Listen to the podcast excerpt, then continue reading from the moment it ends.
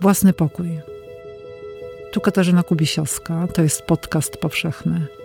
Zapraszam na cykl rozmów o tym, jak w kobiecie tworzy się i umacnia niezależność. Gościnią dzisiejszego odcinka jest Beata Stasińska. Mój ojciec, jak miał dobry humor, to tak sobie żartował, jak musiał znosić moje rozmaite rewolty to, to mówi, to jest nasz buntowniczek. Nawet nie, to był rodzaj męski zawsze. Też ciekawe.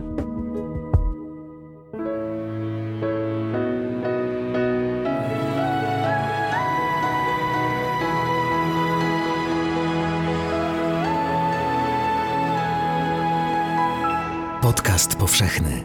Weź, słuchaj. Dziękujemy patronkom i patronom za wsparcie. Dołącz do grona dobroczyńców podcastu Tygodnika Powszechnego w serwisie Patronite. Dzień dobry z Krakowa, ze studia Tygodnika Powszechnego przy ulicy Dworskiej 1C, Katarzyna Kubisiowska. Dziś po własnym pokoju będzie nas oprowadzać Beata Stasińska. Dzień dobry, Beato. Dzień dobry, dzień dobry Katarzyno, dzień dobry wszystkim. Witam z Mokotowskiego mieszkanka w stanie kwarantanny. Hmm. Czyli z własnego pokoju, rozumiem własnego pokoju jak najbardziej. Czy jako dziewczynka miałaś swój własny pokój, czy go dzieliłaś z kimś? Dzieliłam z siostrą do, do pewnego wieku. Chyba do momentu, kiedy nie poszłam do liceum. Mhm. mhm. No a ten pierwszy taki y, własny pokój, w sensie gabinet, y, kiedy się pojawił w twoim życiu? drugim mieszkaniem małżeńskim. Mhm. Mhm. Jak wyglądał? Było wielkie biurko, dużo książek, y, kwiaty, jakieś gadżety z, z domu rodzinnego? Gadżetów z domu rodzinnego nie było, natomiast y, y, były, był ten, ten sam zestaw książek, który przenosiłam z mieszkania do mieszkania. Mm. To, piękny widok z okna. Wilanów Zawady. Mhm. właściwie na resztki wsi zawadowskiej. Dzisiaj już tam deweloperka przeorała wszystko. Mhm. A ten zestaw y, książek, który przynosiłeś y, z mieszkania do mieszkania, składał się z jakich książek? Z jakich nazwisk i tytułów? Już ja sobie przypominam taką, e, taką historię, jak zamienialiśmy się y, pewnym małżeństwem socjologów na mieszkania. W pewnym momencie oni mieli bardzo dużo książek, my też mieliśmy bardzo dużo książek i w pewnym momencie doszliśmy do wniosku, że nasze biblioteki są tak podobne, że może przestaniemy dźwigać te kartony z książkami. Mhm. Po prostu ustalimy y, dokładnie, czy to jest ten sam zestaw. I tak często się stało. Mhm. Czyli ekonomia. Mhm po pierwsze ekonomia, po drugie, e, e, po drugie w tak zwanych inteligenckich domach, czy to była e, stara inteligencja z tradycjami, czy ta z awansu, to był mój przypadek i, i, i mojego byłego męża też. Mieliśmy te same książki, bo wybór nie był za duży, więc kupowało się wszystkie wartościowe rzeczy. Czasami nigdy się ich nie, nigdy się ich nie czytało. Mhm. Dziedzin, tak? Mhm. No, głównie. Mhm. Jak wyglądały nasze księgozbiory domowe. Mhm. Mnie interesuje ten moment, kiedy masz 20 lat i wyprowadzasz się z domu rodzinnego. Mm, być może wtedy, a być może się mylę, zaczynasz właściwie budować swój własny pokój. Swój własny pokój, w sensie y, tę przestrzeń w której będziesz e, mogła się rozwijać e, w swoim zawodzie i być niezależna? Dziś na to patrzę jak, on, jak na konflikt pokoleń. Własny pokój zaczynałam dużo wcześniej, na przykład uciekając z lekcji religii skutecznie, dosyć wcześnie. Wolałam wtedy i, i, i z mszy świętych też uciekałam bardzo intensywnie. Y, wolałam klub dyskusyjny filmowy w Pałacu Młodzieży w Warszawie. Bardzo ciekawy, polecam. Mhm. Y, mam nadzieję, że jeszcze działa. I, I, mając taki e, taką opinię w rodzinie buntowniczki. Tak mój ojciec jak miał dobry humor, to tak sobie żartował, jak musiał znosić moje rozmaite rewolty, to, to mówił, to jest nasz buntowniczek. Nawet nie, to był rodzaj męski zawsze. Mhm. Też, też ciekawe. Może dlatego, że y, jak się miałam urodzić, to czekał na Piotrusia. Mhm. Y, No więc, więc to, to, jest, to jest długi proces, y, który wynika z tego, że znaczy każde pokolenie, tak mi się wydaje dzisiaj, ma, mm, ma pewien, pewną taką energię y, y, życiową, którą y, pożytkuje, żeby, żeby, żeby przetrwać różne, różne zawirowania, zawirowania, czy to historyczne, czy, czy, czy, czy rodzinne. W przypadku moich rodziców to był klasyczny awans. I to był ogromny, ogromny wysiłek, tak? Znaleźć się w, y, w obcym dla nich, wrogim mieście, w zburzonej Warszawie, y, wyjść właściwie no, z, z, zapłota wie, wie, wiejskiego, bo to, że tam był kiedyś zaścianek szlachecki, to nie miało już y, znaczenia, tylko może trochę dla mojej babki. I później już właściwie, jak już, jak już, zna, jak już to pokolenie z, znalazło przyczółek w tym wrogim mieście, to cała, cała siła cały wydatek energii był, y, był na to poświęcony, żeby przeżyć. Raczej się nie buntować, bo już, bo, bo już dzieci, bo, bo codzienny mozuł właściwie już tyle, na tyle zużywał ich siły, że nie rozumieli, nie rozumieli, co się dzieje, nie rozumieli do końca y, y, y, moi rodzice i trochę się obawiali i 68 roku i tego, co się działo e, e, później w Radomiu i, i, i w Ursusie, już nie mówiąc o Solidarności. To było coś, to było coś niebezpiecznego, tak bym nazwała. No ale ich obdarzył y, y, pierworodną, która miała czułki wystawione trochę w tamtą stronę. No może nie w 68 roku, kiedy ojciec mi mówił, wracaj ze szkoły prosto do domu. To ja, ja to tyle zapamiętałam z 68 roku. I wracałaś, rozumiem. E, tak, jeszcze jak miałam wtedy 8 lat, to wracałam Mhm. w miarę tą drogą, ale później to naprawdę skręcałam na boki, chodziłam na boki i na wagary bardzo często. Mhm. E, z pożytkiem, bym powiedziała. Tak. A ten 76, jak pamiętasz, Radom? Och, to już pierwsze kłótnie w domu. Mhm. Pierwsze, pierwsze kłótnie i tutaj ten, ten rozbrat między pokoleniami był już bardzo, y, bardzo mocny i to nie chodziło tylko o sprawy polityczne, aczkolwiek one, one są y, takim katalizatorem tych, tych różnic, buntów i, i, i podziałów. To, to, to nie jest tylko dzisiaj, tak? Mhm. że polskie rodziny są, niektóre są monolityczne do czasu, ale, mm, ale, ale polskie rodziny są, no mają to znamie, tak? Mhm. Znamy, znamy, znamy tego powody, tak? I kiedy się wyprowadzałam z domów, y, to było na chwilę przed stanem wojennym, to nie były żarty. Mhm.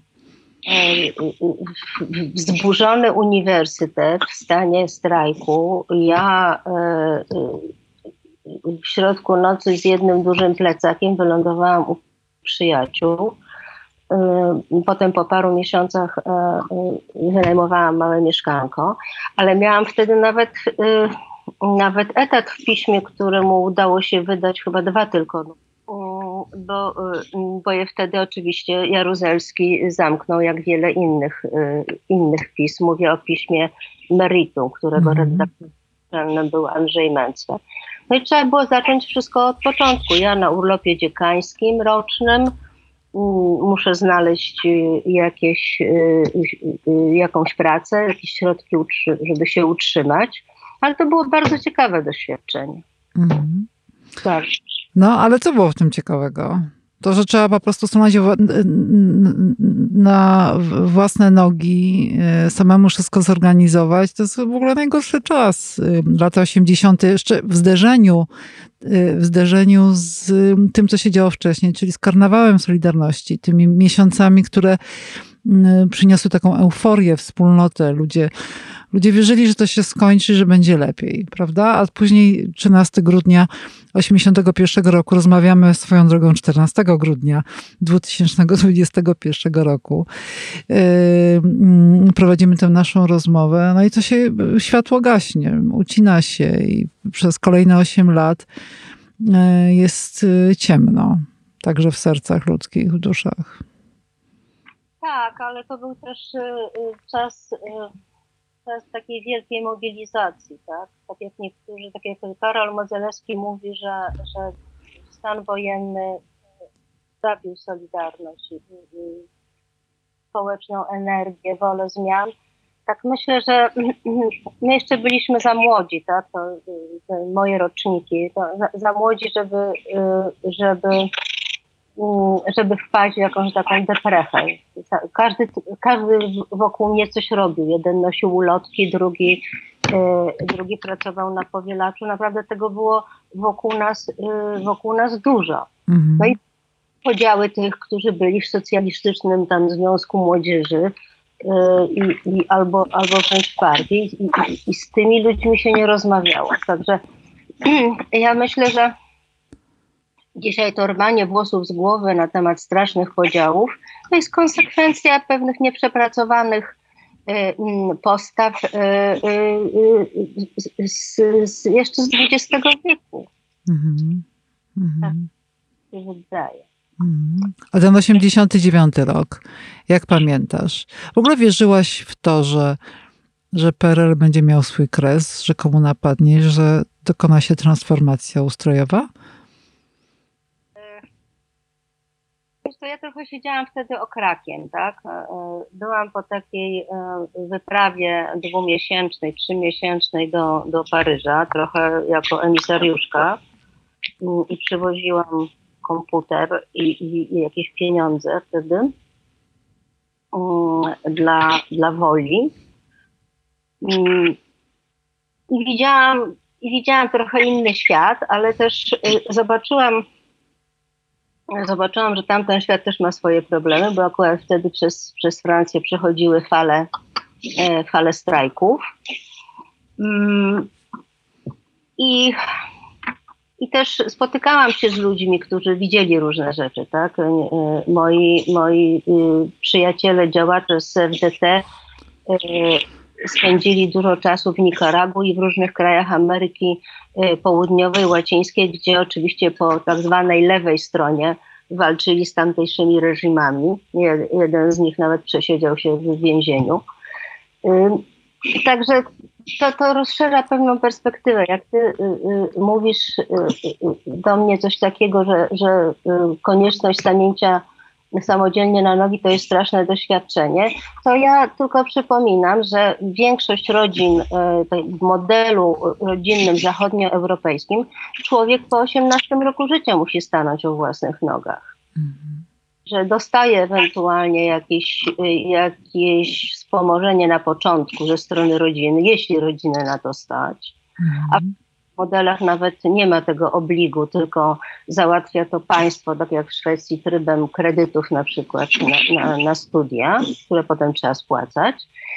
Mm, ale y, mówi się dosyć, dosyć szybko człowiekowi, społeczeństwo mówi mu, że masz, jesteś już dorosły. Mm-hmm. Zacznij sobie, i zacznij sobie radzić. No, na Islandii to się człowiek może zacząć pracować w ograniczonym trybie od 16 roku życia, jeśli jest taka jego wola. No ale ten 89, jak wspominasz? I jak patrzę, dodam tutaj do, do tego pytania, rozwinę je. Jakbyś mm, miałbyś mu uznać, że 89 jest cenzurą, e, też powiedzmy w twoim życiu, bo na pewno jest e, w historii Polski cenzurą. Jak patrzysz na siebie sprzed 89 i po 89 roku, na siebie e, jako kobietę, która tworzy przed 89 i jako kobietę, która zaczyna tutaj dość poważnie działać na rynku wydawniczym w latach 90. Mam w pamięci takie doświadczenie, to były któreś urodziny dziadka Kuronia, ja tam się znalazłam trochę przypadkiem. E, I pamiętam, to były chyba pierwsze rozmowy na temat, no, był już Gorbaczow, tak, u władzy, to, to miało znaczenie. I, y, I ludzie z opozycji różne scenariusze sobie marzyli, tak bym to nazwała. I pamiętam Kuronia ze szklanką whisky, który mówił, że to jeszcze ta noc komunizmu długo jeszcze trwać będzie.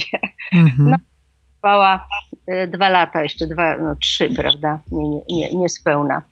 Także nawet tacy ludzie się y, mylą i, i zakręty historii bywają y, nieoczekiwane.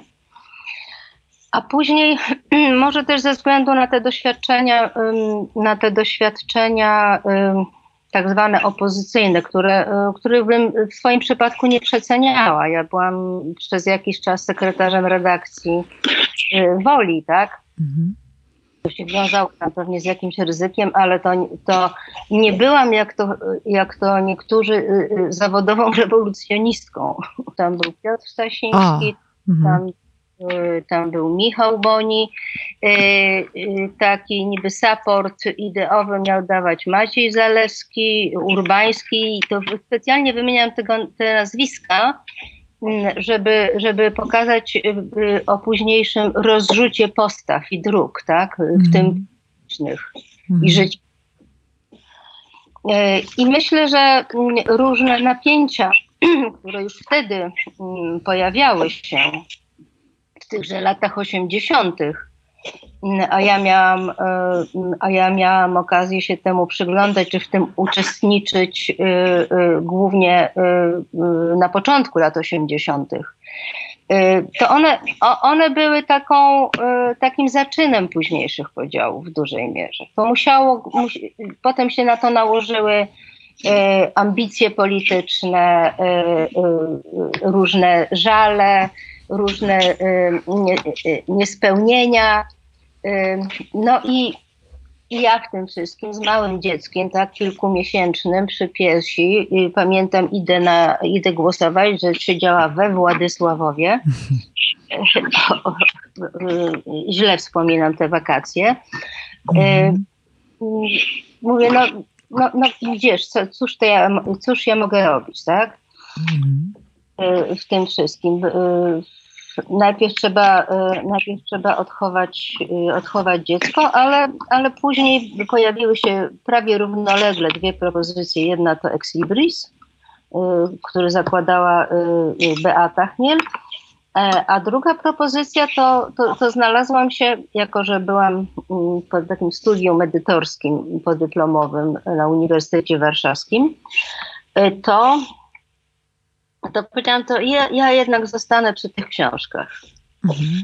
Jednak zostanę przy tych książkach i, i przeszłam wtedy przez takie, m, takie szkolenia robione przez wydawców zachodnioeuropejskich, francuskich i, i niemieckich. I zaczęłam się w to wciągać i tam poznałam moich przyszłych, y, moich przyszłych y, wspólników. Wydawnictwa WAB, które powstało w latach 90. No, taki, y, taki pierwsze dokumenty są z 91 roku. Mhm. E, ja dołączyłam, y, ja byłam od początku, ale dołączyłam jako, jako współwłaścicielka e, rok później. Dołącz do grona dobroczyńców podcastu Tygodnika Powszechnego w serwisie Patronite. Mm, jak wyglądały te początki? Niepoważnie. Mhm. Jak całe lata 90., prawda? Były dość niepoważne i takie chałupnicze. Tak, to sobie powtarzałam. Nie było drugi raz takiej, e, takiej okazji w, w naszym życiu, kiedy właściwie można było robić, e, próbować wszystkiego, tak? Mhm to były czasy e, jakichś wielkich karier, wielkich pieniędzy i wielkich upadków, tak? Mhm. To jak zaczęły pączkować wydawnictwa w Polsce, to, to, to już zakrawało na jakieś, na jakieś szaleństwo. Mm, No z tego zostało e, niewiele, jak widzimy dzisiaj. I ten rodzaj e, nieuporządkowania e, i, i takiej wolnej Amerykanki, nawet bym powiedziała, właściwie na rynku książki panuje do dziś. Mhm. W dziedzinach może jest trochę lepiej. Ale, ale to było bardzo ciekawe wyzwanie.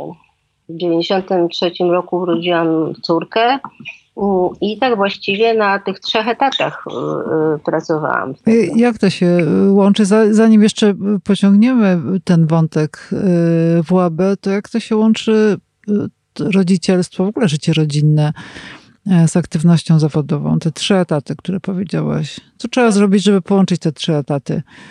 Wiadomo, że doba kobiety ma 48 godzin, a nie Mhm. 24.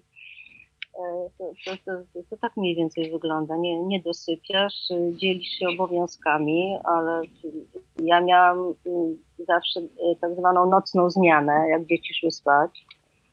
I- umowę z- z ojcem dzieci, że on je odwozi do, do, do przedszkola i do szkoły. Nie ja, ja muszę odespać. Mhm. Musiałam, nie musiałam na siódmą rano chodzić do pracy. To no, jestem, jestem sową z natury i, i tak starałam się całe życie układać swoje obowiązki, żeby nie musieć rano wstawać. Pod tym względem nie różnię się ni- niczym od, e, od innych kobiet. To tak wygląda. Dom to jest twoja praca, zajmujesz się więcej dziećmi, to jest twoja praca. Yy, A oprócz tego yy, yy, jeszcze yy, rozwijał się Ex Libris. Yy, To była właściwie naj, najpiękniejsza przygoda, ten Ex Libris, bo to, to było dziwactwo, które nie miało prawo się, prawa wydarzyć, ale wydarzyło się i nikt tego nie powtórzył do tej pory. No i możliwe właśnie w latach 90., prawda?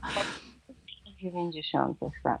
I równolegle, i równolegle yy, WAB, tak, które pierwszą dekadę miało bardzo trudno, muszę powiedzieć, bo po pierwsze nie, my, my wchodziliśmy na rynek właściwie bez pieniędzy. To było duże, duże ryzyko w oczekiwaniu na, na, na cud i jak się wydawnictwo zaczęło rozkręcać, to już były pierwsze takie poważne tąpnięcia na rynku Mhm. związane z bankructwem e, e, dystrybutorów, tak, którzy zostawali bankrutami i, i, pogrążali e, twoje wydawców, e, autorów pieniądzem. Jak to się wytrzymuje psychicznie? Nie po linie. Hmm. To jest nie po linie. Robisz się twardzielem, ale e, nic mnie bardziej nie, nie denerwuje, niż jak ktoś y, nie mówi, zwłaszcza nie lubię tego słyszeć z ust mężczyzn, że ty jesteś taka twarda kobieta. Mhm. Mhm. Mhm. No ale WAB się rozwija. Ty y, masz absolutnie fantastycznego nosa do e, dobrych literackich nazwisk. Między innymi e, w WAB ukazuje się e, mój ukochany Welbeck. Y, I po jakimś czasie musisz ten już nie własny, ale wspólny pokój stworzony ze wspólnikami y, gwałtownie opuścić, bo zostajesz z zarządu, y, jak, ma, jakie mam słowa użyć, usunięta, wyrzucona. No, no tak, ale y, e, ja nie lubię tego komentować. Y, y, może poprzestajmy nad takim stwierdzeniu, że y, y, Polsce zakochaliśmy się w tak zwanej kulturze korporacyjnej. Ale ta y, kultura korporacyjna, i nawet jak, nie jesteś w korporacji albo nie jesteś korporacją, to zachowujesz się wedle e, zasad kultury kor- korporacyjnej. Czy jesteś dyrektorem instytucji publicznej, czy współwłaścicielem e, prywatnej firmy. A kultura korporacyjna okazuje się, że jest e, e, ufundowana na mentalności wykidajła bardzo często. I nie, nie, niekoniecznie tutaj w cenie jest Kinderstube, bo roz, rozstawać się można w różny sposób, prawda? Ale coś takiego się stało, co dzisiaj obserwujemy na co dzień. Już nie będę palcem tutaj wytykać instytucji i firm, które to robią, media o tym piszą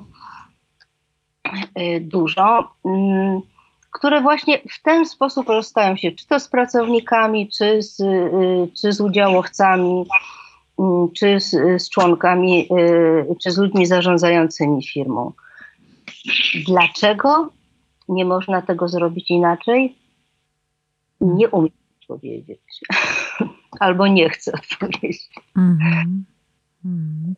Mnie najbardziej martwi to, że my to zaczynamy traktować jako normę, że w ten sposób E, ludzi się zwalnia z pracy, że ten element niehumanistyczny e, wdarł się właśnie w, w, w relacje między pracodawcą a, a pracownikiem na rozmaitych szczeblach, czy tam ludzi, którzy mają wspólny interes. Po pierwsze, to jest skuteczne. I to o to chodzi. Ciach, ciach, dowiadujesz się, że y, już cię nie ma, tak? Masz y, y, odcięty internet, zabrany laptop, nie ma cię. I to się dzieje, to się dzieje w 5 minut. Hmm. I, I przez takie doświadczenia przychodzą, przychodzą dziesiątki ludzi od lat. Jak mówię, od instytucji publicznych to się dzieje, po często małe firmy. Więc z jednej strony to dlatego, że to jest skuteczne, z drugiej strony to jest też przejaw, pokazujemy tak się zachowując, że mamy nad kimś władzę. Mhm. To jest jakaś psychiczna potrzeba, żeby tak to zrobić. A to, że potem to ubrano w tak zwane procedury, czy korporacyjne, czy inne, to jest moim zdaniem rzeczą wtórną. Bardzo mnie interesuje, Kogo ty najchętniej, jakie osoby zapraszasz do własnego pokoju? Z kim najchętniej przebywasz? A także y, to też tutaj rozszerzam y, to, to pytanie. Y, od jakich ludzi się najwięcej nauczyłaś albo uczysz nadal? Po pierwsze, mam pewien rozdział dosyć, dosyć ostry między pracą zawodową, a, a kręgiem przyjaciół. Y, do tego stopnia, że to, to wielu autorów może potwierdzić, y, rzadko przechodzę na ty, mm. jak zawodowy. Y, nie, nie, nie stawiam oporów, ale, ale uważam, że ten dystans bywa często bardzo pożyteczny dla każdej strony. I myślę, że przez ostatnie 20 lat ten krąg przyjaciół nieco się zmienił. I dzisiaj jest on dosyć wąski. Nazywamy to w tym kręgu naszą rodziną patchworkową nawet. Mm, I są to ludzie o bardzo, w bardzo różnym wieku, y, bardzo różnych zawodów. Y, jest tam Y, grono tak zwane nieheteronormatywne, y, co bardzo sobie cenię, tę przyjaźń, te kontakty i to naprawdę otwierające głowę spojrzenie na rzeczywistość. I to jest rodzaj takiej przyjaźni, która się w różnych zawirowaniach życiowych sprawdza. No, a ważne kobiety w Twoim życiu?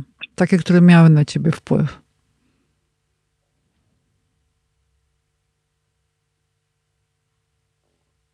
To się chyba zaczęło od y, bardzo dawno. Bardzo dawno, bo jeszcze w latach szkolnych ja miałam y, starszą przyjaciółkę. Y, która była tak zwana stara malutka. Paliła papierosy, piła wino, czytała nieprzyzwoite ilości książek i ona mnie wprowadziła w, w krąg y, y, starszych, y, starszych ludzi. Mm, niestety mm, popełniła samobójstwo na początku swoich studiów. To był duży wstrząs dla mnie. Ale to, co wyprawiała Marzena, to było, mm, to było pokazanie, że można inaczej, że można wbrew, że można nie chodzić do szkoły, a mieć poukładane w głowie, że y, y, można sobie dawać y, radę albo żyć zupełnie obok, bez, bez pomocy rodziców, bo taki tam był model rodziny. Rodzice byli prawie nieobecni. E, I muszę powiedzieć, że wtedy mi to dosyć imponowało. Jeszcze do tego przeczytałam sobie e, całą trylogię nie Sienkiewicza bynajmniej. Tylko zdziwisz się. E, Simone de Beauvoir. Mm. Łącznie z ostatnim tomem, z którego wówczas, gdy to czytałam, chyba niewiele rozumiałam. Mm. Ale pamiętnik statecznej panienki zrobił na mnie wrażenie. Mm. Muszę, muszę powiedzieć. I to też był taki, mm, e, taki zaczyn, zaczyn buntu, niezależności, takiej, e, takiego osobnego, oso, oso, zupełnie osobnego chodzenia po świecie bez, bez kontroli pewnej. Mhm. I, I taka trochę, nie chcę powiedzieć, że ze mnie jest samotna wilczyca, ale, mm, ale, ale, ale coś z tego, z tego mitu zostało chyba. Mhm.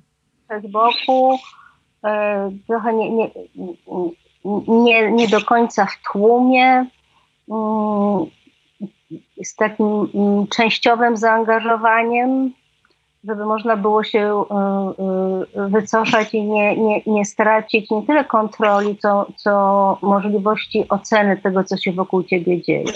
Tak, ta pozycja obserwatora jest bardzo ważna, żeby nie dać się zawładnąć jakiejś idei niebezpiecznej albo bardzo ciekawej, ale później zdeformowanej przez ludzi, bo idee przecież wypełniają e, sobą i swoimi uczynkami i myślami ludzie one też mają to do siebie, że, że się w pewien sposób e, kończą, zużywają swoich urzeczywistnienia, tak?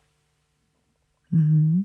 No, rozumiem, że książki Simone de Beauvoir są w twojej bibliotece wszystkie. Ale skądże? A, czyli to są, są w tej bibliotece socjologów, tej wspólnej. Nawet nie, bo chyba ten Simon de Beauvoir, to ja, ja dużo korzystałam z bibliotek w tych czasach. Mhm. I e, publiczna biblioteka na Mokotowie była bardzo dobrze, e, bardzo dobrze zaopatrzona, muszę powiedzieć. To na koniec chciałabym się ciebie, Beato, zapytać o to, w jakiej sytuacji, w jakich okolicznościach e, ty czujesz się najbardziej wolną kobietą? Teraz się czuję wolną kobietą teraz czuję się wolną kobietą, bo zależy tak już w dużej mierze od, siebie, prowadząc małą agencję literacką, e, wyprowadziwszy już, e, mam nadzieję, dzieci na, na już zupełnie e, samodzielne drogi życiowe. Ale wolność to jest to jest zobowiązanie, tak?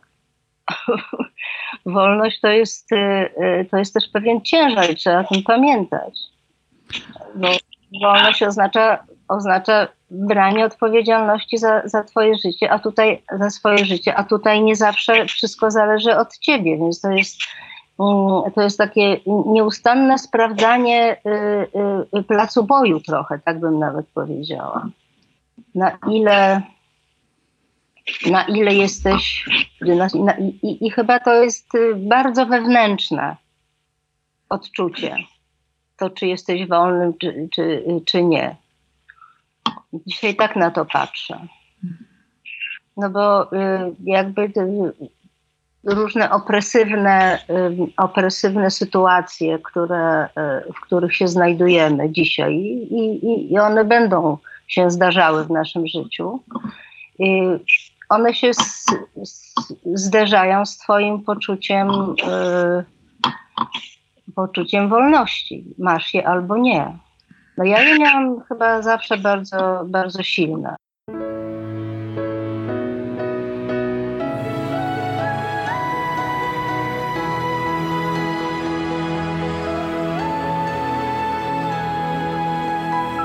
Podcast powszechny. Weź, słuchaj. Jeśli słuchają nas Państwo w Spotify albo w Apple Podcast, zasubskrybujcie nasz kanał. Jesteśmy też w Google Podcast i w aplikacji Lekton oraz na www.tygodnikpowszechny.pl/podcast. Dziękujemy patronkom i patronom za wsparcie. Współwydawcą podcastu powszechnego jest Fundacja Tygodnika Powszechnego.